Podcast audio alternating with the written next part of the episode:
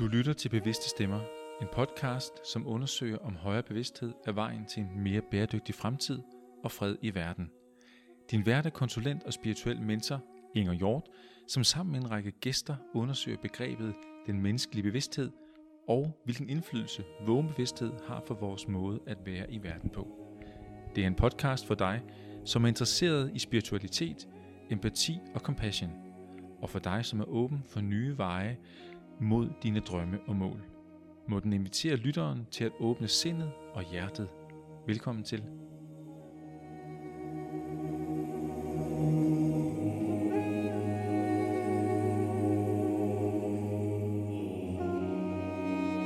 Velkommen til Bevidste Stemmer. Mit navn er Inger, og jeg er din vært i dag. Jeg sidder sammen med Susanne Fransen, som oprindeligt er uddannet kantmærke i ledelse. I dag arbejder hun som healer og coach og arbejder med ledelsesudvikling. Og så er hun også forfatter til flere bøger, hvor den seneste hedder Sia og de magiske sten. Velkommen til, Susanne. Tak. Dejligt, at du vil være med i den her podcast-række om den menneskelige bevidsthed. Ja, tak for invitationen. Selvfølgelig.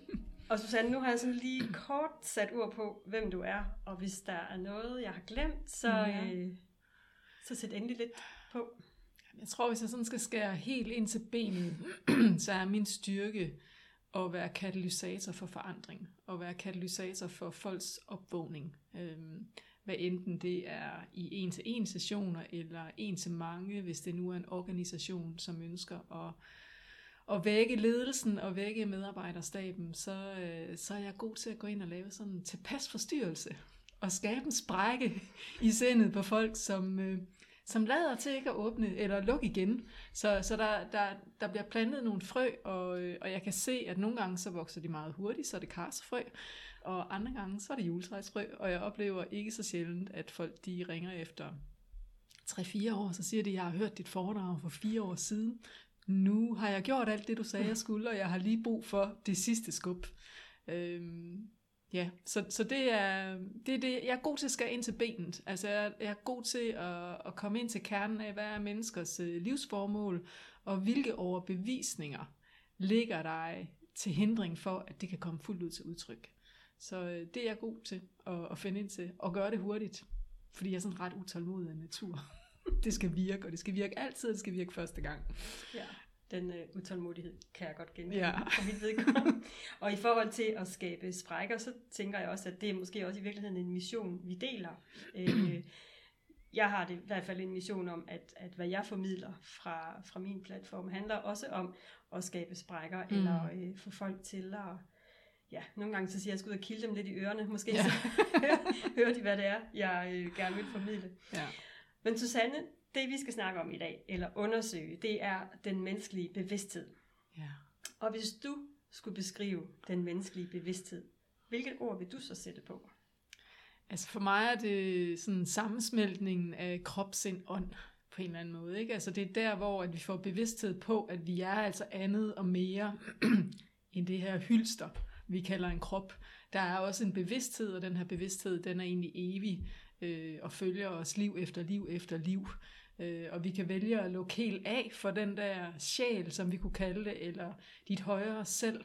Øh, vi kunne også vælge at lade være. Det er meget sjovere at gøre det sidste, og, og på den ene eller den anden side, så vinder det højere selv altid. Så hvis ikke vi vil vågne i vores øh, fysiske øh, krop og, og vågne op til det, vi er her for i den her inkarnation, jamen så, så får vi nogle benspænd. Altså, så, så begynder væk ud og larme på en eller anden måde, og, og gerne gennem kroppens øh, symptomer, sygdomme og alt muligt andet, som, som skal være vores opvågning, hvis ikke vi lytter til de små tegn, Mm. som vi godt kunne vælge at gøre. Og vil du, vil du prøve at komme med nogle eksempler? Altså, der kommer jo ofte mennesker her hos mig, som, øh, som er kommet ret langt ud øh, i form af måske at have kroniske sygdomme, øh, og er blevet opgivet sågar af sygehusvæsenet. Øhm, og, og ofte så kommer der også nogen, der siger, har du nogensinde haft nogle håbløse tilfælde? Og så plejer jeg at sige, nej, vil du være det første? Ikke også? Fordi der er nogle lovmæssigheder, som, som gælder for os, som bevidstheder, der vandrer rundt i de her kroppe, som hvis ikke at vi ærer dem, så, øh, så oplever vi et eller andet på det fysiske plan. Men hvis vi så begynder at rette op, rette kursen ind, jamen så forsvinder de her symptomer. Og så er vores evne til at hele os selv faktisk øh, helt fænomenal. Øhm, og kroppen har et, jeg plejer at sige, at jeg taler kropsk. Og det vil sige, at når folk de kommer med et fysisk symptom, jamen så ved jeg som regel, hvad det er for en en indre historie, indre overbevisning, som egentlig er årsagen til, at det her det er kommet til udtryk på det fysiske plan.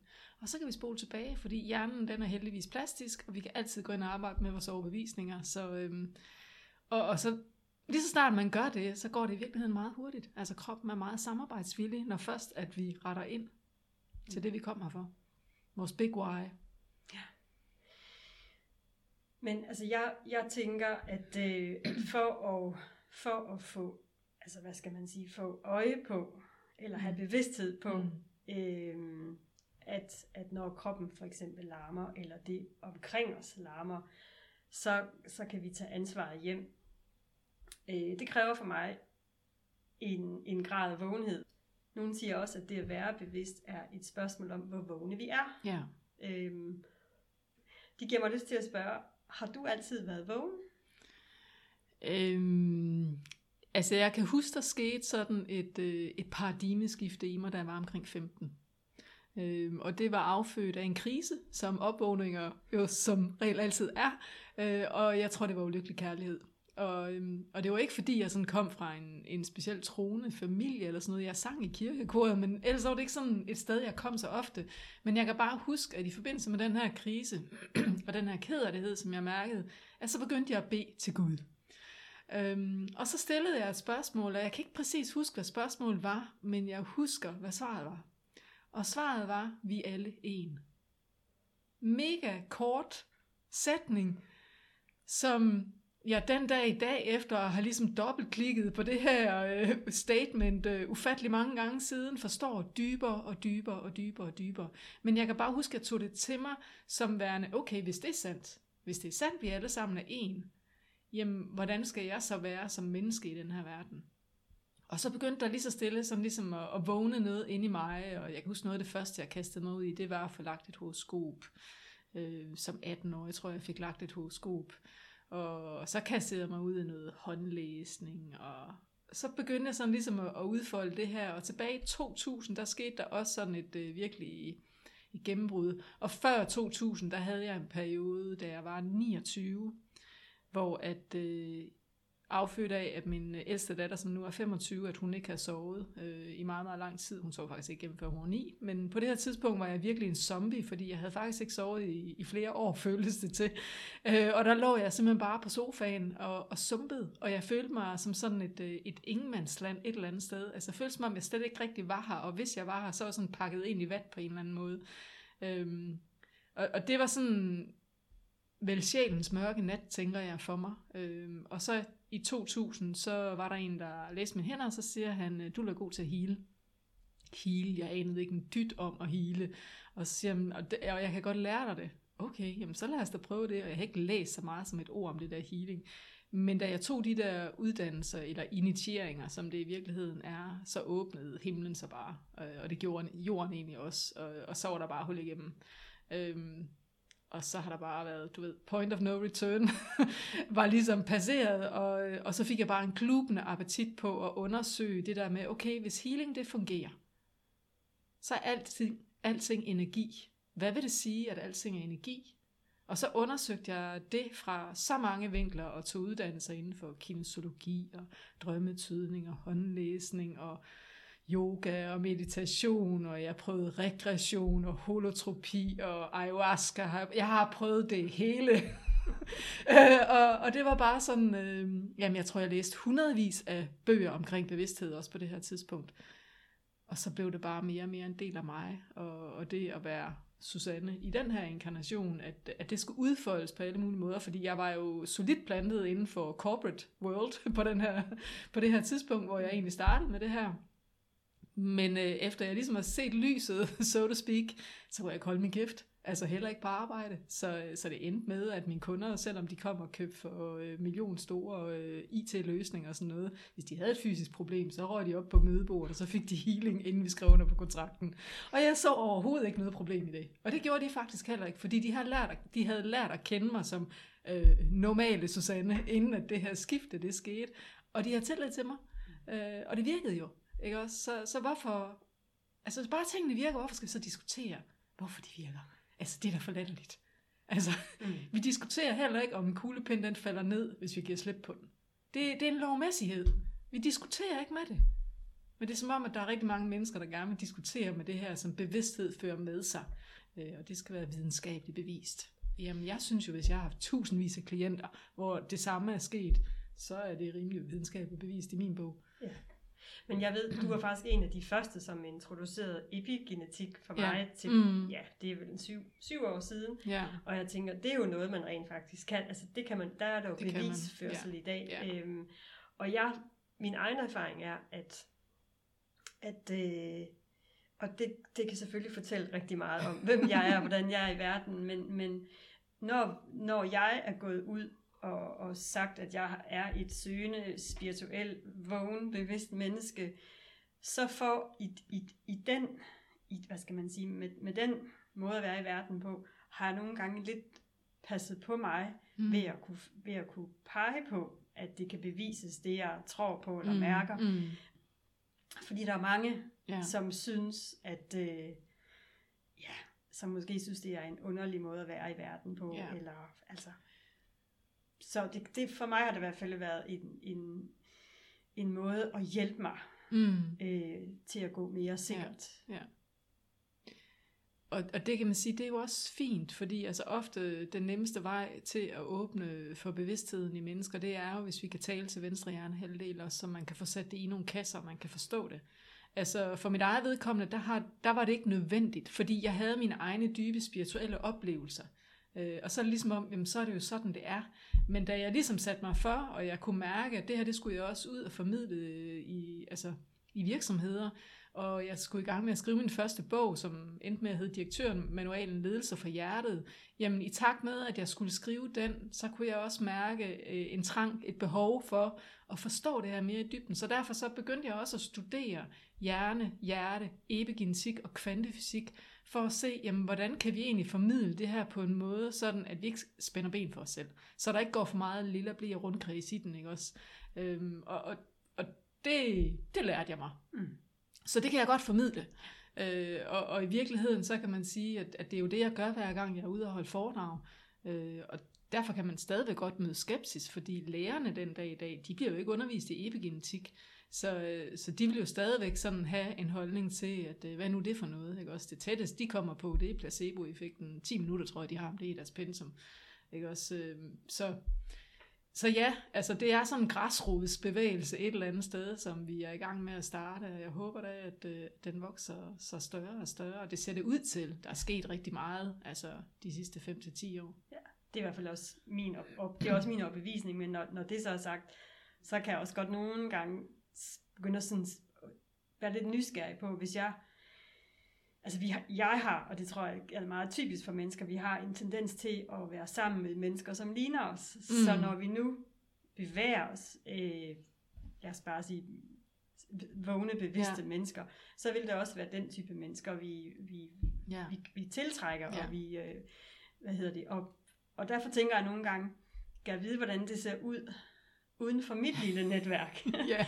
Hvad hedder det? Altså, ser det, altså, ser det bedre ud, end jeg forestiller mig, eller ja. ser det værre ud, og i øvrigt uden at gøre mig til dommer, ja. og øh, overfor hvorvidt folk de er, er det ene eller andet, men, ja. men jeg kan godt blive nysgerrig nogle gange. Hvor stor er bevægelsen? Altså, jeg kan, hvis jeg spoler tiden tilbage til 2015, øh, hvor jeg dybest set startede med at holde de her foredrag, øh, og så spoler den fem år frem til nu, hvor jeg her for nylig har været ude og holde foredrag for en gruppe topledere om, om lige præcis de her emner, og hvordan kan vi overføre de her principper, de her lovmæssigheder til at være, være bedre ledere. Så, øh, så kan jeg mærke, at der er en større vågenhed, og der er knap så meget skepsis. Øhm, så, så jeg fornemmer, at, øh, men, men igen, som du siger, ikke, altså, vi tiltrækker jo, vi har jo et tiltrækningspunkt, så vi tiltrækker jo de her mennesker ind i vores felt, og det er vel også okay. Altså, det tænker jeg. Men, men folk, de, altså vi kan kigge os omkring, vi kan se 3,14 millioner danskere, de har en krop, der larmer. Og det er, det er jo et godt hjælpeværktøj, øh, fordi at først når smerten ved at være, hvor vi er, er større end den forventede smerte ved forandringen, så er vi villige til at vågne. Så, så der er i hvert fald noget, der indikerer, at der er øh, noget, der er ved at blive både neon et eller andet sted derude i samfundet. Mm. Og, og det tænker jeg, det, det bliver sådan springbrættet til, at, øh, at den helt store tsunami, den, øh, den går i gang. Så man kan tale om, at det sker i bølger, øh, og, og bølgerne bliver større og større. Og det stykke arbejde, som vi laver, altså det bevidsthedsarbejde, gør jo, at det bliver nemmere for dem, der kommer efter os, at opnå det samme niveau af bevidsthed med en lavere indsats. Mm. Så vi er jo også i gang med at tage en forhold dem, der er gået forrest. Øhm. Ja. ja, lad os håbe, vi sætter en kæmpe tsunami i gang. Det tror jeg. Det, det tror jeg også på. Altså jeg tror, vi er kommet over det der tipping point i forhold til, hvor mange mennesker, der skal være vågne for at få resten med. Ja. ja. Det er, det er min overbevisning. Og den håber jeg, du har ret i. Jeg går efter himlen på jorden. I min levetid. Altså, den her inkarnation. Det vil være dejligt. Ja. Susanne, hvad, hvad har det betydet for dig at, øh, hvad skal man sige, vågne og være mere bevidst i verden? Hvis vi sådan kigger på din, din private sfære i første omgang. Jamen, der sker jo det, at, at når man vågner, så, øh, så hæves ens grundvibration. Øh, og der kan man sige, at lige børn leger bedst. Lige energetiske børn leger bedst. Så det vil sige, at når du hæver din bevidsthed, dem du så står i relation til, de får en invitation til at komme op til dig, eller også forsvinder de ud af, deres, af dit felt. Så øh, jeg har været igennem tre skilsmisser. bare for at nævne lidt. øhm, og det kan man sige, jamen, kunne du ikke bare have blevet i dem det, og så have, have kæmpet for det? Og jo, det kunne man da godt, men jeg tror faktisk på, at livet er ment til at skulle være let. Og min strategi nummer et er at være som vand. Følge vejen med mindst modstand og mest glæde. Og der var ikke mindst modstand i at blive i de der relationer. Det lærte mig mega meget. Det har været vigtige lærermestre i mit liv. Så, så på relationsfronten, der vil man ofte opleve, at øh, der sker en omrokering. Og man vil også ofte opleve, at man er nødt til at gå ind i en fase, hvor man bare er sig selv.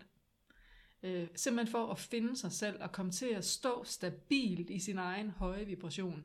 Jeg synes, at øh, Bruce Lipton, han har sådan et fint billede, som er faren til epigenetikken i min øh, optik i hvert fald. Han fortæller om det periodiske system, hvor der er nogle grundstoffer, hvor at øh, det, der kendetegner grundstofferne, de er kun noget, når de går sammen med nogle andre. Så de er ligesom afhængige af hinanden. Men så findes der syv ædgasser i det periodiske system. Og det, der kendetegner dem, det er, at de kan stå alene i deres eget lys, og når de går sammen med en anden edelgas, så skaber det laserlys og oplyser vejen for flere. Øh, og det brugte han som billede på at beskrive den nye tids parforhold, men jeg vil strække den til også at sige den nye tids relationer. Fordi vi er nødt til at kunne stå i os selv, i vores eget lys. For det er først der, vi faktisk kan komme så tæt på, som vi kan som menneske, i at elske ubetinget. Altså elske sådan, at det andet menneske føler sig frit til at være det menneske, det er. Fordi den her bevidsthed handler om, at vi skal ind og lytte til vores indre GPS. Vi skal lytte efter vores indre stemme, vores indre bevidste stemme. Og der har vi ikke brug for, at der står nogen og siger, hvad vi skulle, burde, kunne ved siden af. Det har vi simpelthen ikke brug for, så vi er nødt til at lave den her bevægelse, hvor vi alle sammen bliver bevidste for, at vi kan skabe nye øh, bæredygtige, sunde, frie, ubetinget kærlige relationer. Øh, så det er i hvert fald noget, jeg kan se. Ikke bare sket for mig selv, men også de mennesker, som, øh, som jeg har arbejdet med, at, at det er en stor del af processen. At få mm. ryddet op i sine relationer. Og få, altså, at gå fra at sige mere ja til andre end til sig selv, og så til kun at sige ja til andre, hvis det også er et helt krops ja til sig selv. Og, så der, der kan du jo som, som lytter sidde og spørge dig selv, okay, hvor er det egentlig lige henne, at jeg ikke tager helhjertet skridt frem?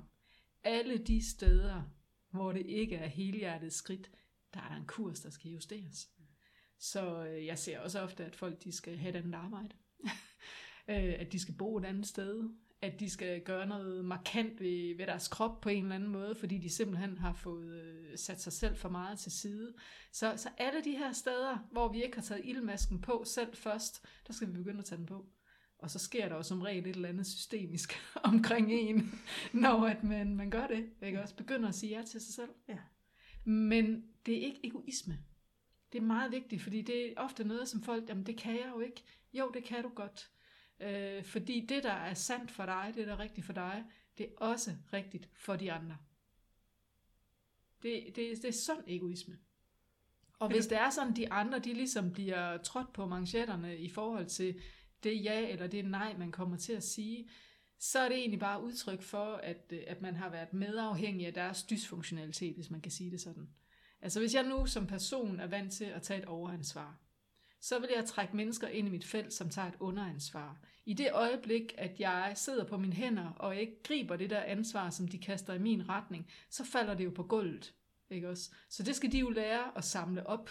Men det er jo sundt. Det føles muligvis ikke så rart for dem lige de første par gange, men det er jo sundt, fordi alt andet svarer jo egentlig til at bo sammen med en alkoholiker, øh, sige til vedkommende, at han skal stoppe med at drikke, men så i øvrigt være den, der går ned i brusen og henter bajerne og knapper dem op og stiller dem foran ham.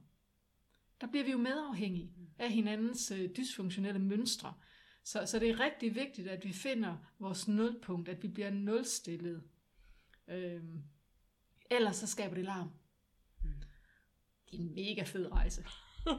Det bølger en gang imellem. Det skvulper lidt en gang imellem i badekarret, men, øh, Ja. men det er bare det, der skal til for, for at for det første at blive vågen, men også at handle i kongruens med den vågenhed. Fordi der ryger vi ind i sådan en knowing-doing gap, hvor at man til at starte med, så får man bevidsthed på, fuck, jeg har et overansvar. Og så de næste 100 gange, så griber man stadigvæk det der ansvar, der bliver kastet i ens retning, inden at man så ligesom kan mærke og få hanket op i sig selv og sige, hey, det vil jeg ikke mere. Ikke også? Så der er sådan en knowing-doing gap, hvor man kan bruge sin bevidsthed til at slå sig selv i hovedet med. Ja. Så det skal man prøve at undgå, for det er ikke så kærligt. Altså, øhm, der skal man være sin egen kærlige forælder i nuet, kan man sige. Og hele de indre sårede børn, jo som i virkeligheden er det, de larmer. Det, der larmer. Mm. Både i privatlivet, men også i arbejdslivet. Altså, jeg har været inde og arbejde med indre sårede børn på et bestyrelsesmøde i en virksomhed. Fordi man godt var klar over de her skyggesider. Det kan da godt være, at vi lige nu snakker om, at der er noget økonomi og noget opfølging og ting og sager, som, øh, som halter. Men det er jo fordi, der er et eller andet inde i de her mennesker, som sidder i den her gruppe, som gør, at man ikke er konge eller dronning i sit eget rige, hvor man reagerer i stedet for reagerer. Ja, og nu, og nu er vi jo så, har, har vi jo bevæget os ind på feltet. Hvorfor skal vi, øh, altså hvad betyder det for os at tage en, en vågen bevidsthed med på jobbet? Og min, min egen erfaring er, at, at jeg i hvert fald har været i, øh, i arbejdsrelationer, hvor, hvor jeg synes, at vi har løbet hurtigere og hurtigere, og vi har kigget mere og mere på budgetter og hvad ved jeg. Mm. Øhm, og uanset, Mm. så hvis det larmer i vores eget system, Mm. så kommer vi aldrig i mål. Altså uanset hvor meget vi, Nej. hvor meget. Og det er jo ikke, dermed ikke sagt, at vi ikke skal have øje for vores budgetter og vores Mm. øh, økonomiske tal, og, og, og vi skal sætte, sætte mål. Men, men det er virkelig vigtigt, om det så er indre sårede børn, eller hvad det er, vi skal arbejde med, øh, og tage den del med os. Mm, Det er det, ja. Og, og jeg kan huske for, jeg tror måske et år siden, hvor vi faktisk snakkede om første gang at skulle lave Ja. ja. podcast, hvor jeg blev fanget af en overskrift, som jeg, jeg tror det var sådan noget, eller awakening is a, eller er mega hårdt arbejde, mm. og det er jo det, det er. Mm, Øhm, mm. Og så kan man, altså, eller for mig, jeg kan i hvert fald nogle gange have sådan en, en, en oplevelse af, at jeg skal på en eller anden måde hele tiden være øhm, tens, skulle jeg til, jeg fik, får jeg næsten lyst til at sige, altså Mm. mm. hele tiden, okay, nu skete der det her, Mm. hvad er det Ja. i mit system, Ja. der har afstedkommet det Ja. her? Okay, nu siger han det, hvor, når nu det trigger noget i mig. Ja, ja. Jeg håber, at, at jeg på et tidspunkt kan Mm. bevæge mig i verden, hvor det at være vågen bevidst, ja. på en eller anden måde måske er mindre hårdt arbejde. Ja. For jeg Ja. synes, jeg er meget på arbejde i mit Mm. ønske om at tage ansvaret og lære Ja. ja. hjem. Og, og det er man jo også til en start med, fordi vejen derhen er evnen til at reflektere tilbage på sig selv, som du også beskriver der, ikke også? At du hele tiden er opmærksom på, når der kommer et eller andet udefra, som, som trigger noget i dit system, at du så reflekterer tilbage på dig selv og siger, hvor kommer det fra? Hvorfor trigger det her mig? Og, og det, det arbejde skal vi jo lave, indtil at vi har sagt farvel til alle mønstre, der ikke også? Og der er mange. Ikke også? Og, og der, øh, der er flere mønstre. Det er ikke Ja. bare et par stykker. Altså, der er mange, og alt efter hvor tidligt i ens proces det er, jamen så, så er der mange stemmer, som blander sig. Mm. Øhm, og taler med, med mange tunger, som kan gøre, at man bliver sådan helt snot forvirret, ikke også? Men det, man skal spørge sig selv om, det er, når de her stemmer, de taler, og når, når vi handler om det så i budgetter, eller altså om det er privatlivet eller arbejdslivet, skal vi spørge os selv, hvor kommer det fra? Kommer det fra tillid, eller kommer det fra frygt? Alt, hvad der kommer fra frygt, det er simpelthen et mønster, der taler. Fordi i virkeligheden, så bør vi være rodfæstet i tillid og kærlighed og taknemmelighed, som er den højeste vibration. Alt andet, det er, så er vi nede i nogle mønstre, som, øh, som tvinger os ned i vores reptilhjerne, hvor vi tænker, kæmp, flygt, frys, spis, par os. Mega øh, instinktuelt, kan man sige, ikke også? Hvor vi er uden for pædagogisk rækkevidde.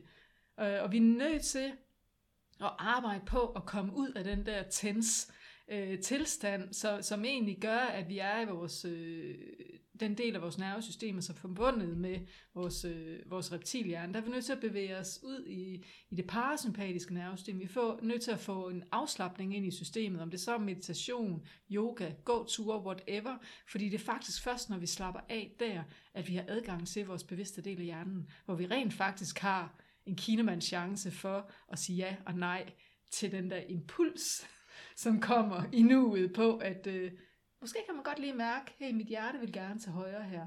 Men lige så snart man lige har mærket det, så melder der sig en eller anden stemme, der siger, venstre, venstre, venstre.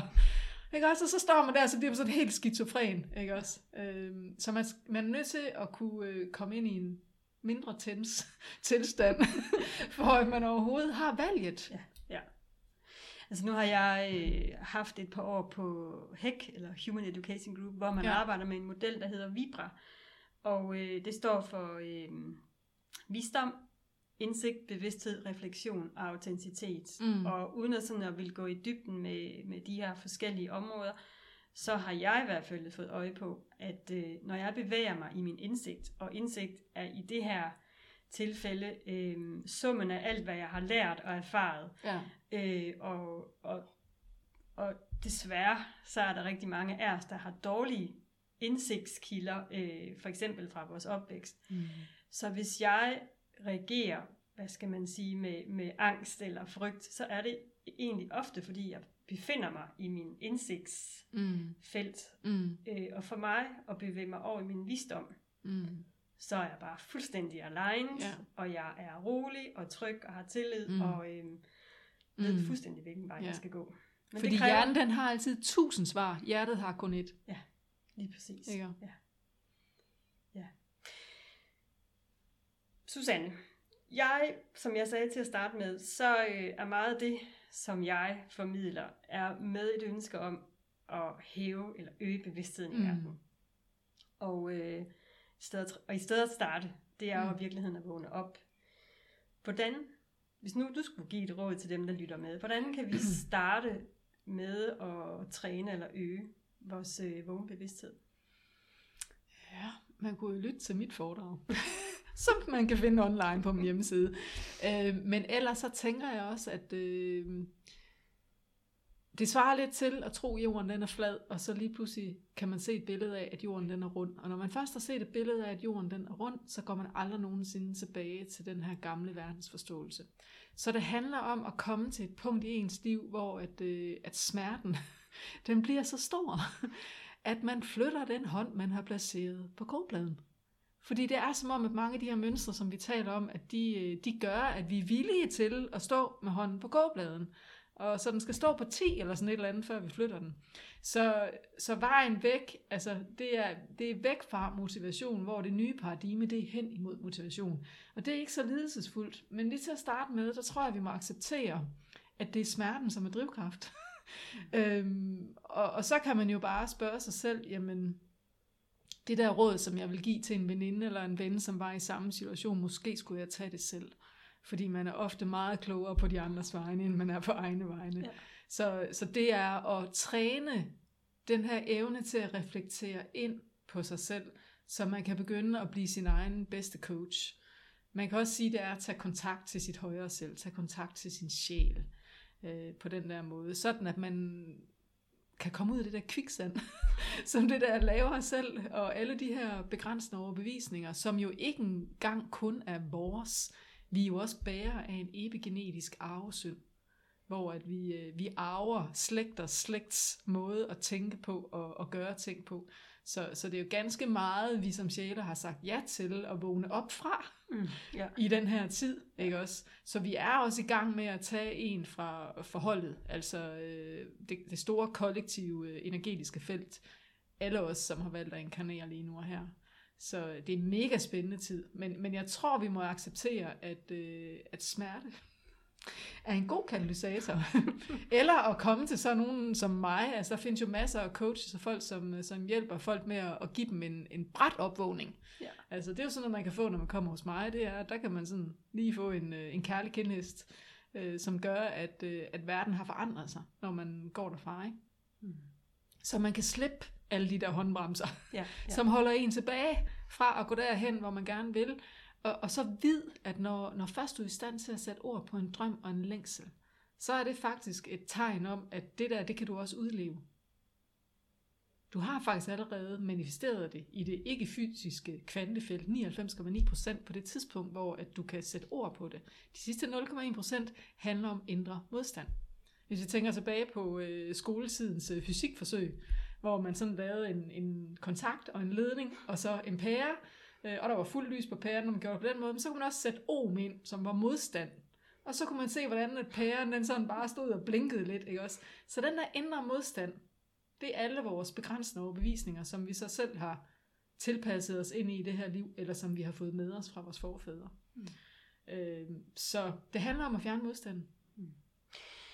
Og jeg får egentlig sådan lyst til at tilføje, måske ender det ud i et spørgsmål, men jeg øh, læser i øjeblikket den nye bog med Morten Elbæk, mm. som, øh, som også peger på, der er flere, der peger på øh, værdien i at holde pauser. Mm. Øh, han peger så på, at det er vi ikke særlig gode til, fordi vi, vi løber stærkere og stærkere og Mm, stærkere mm. i, i dag.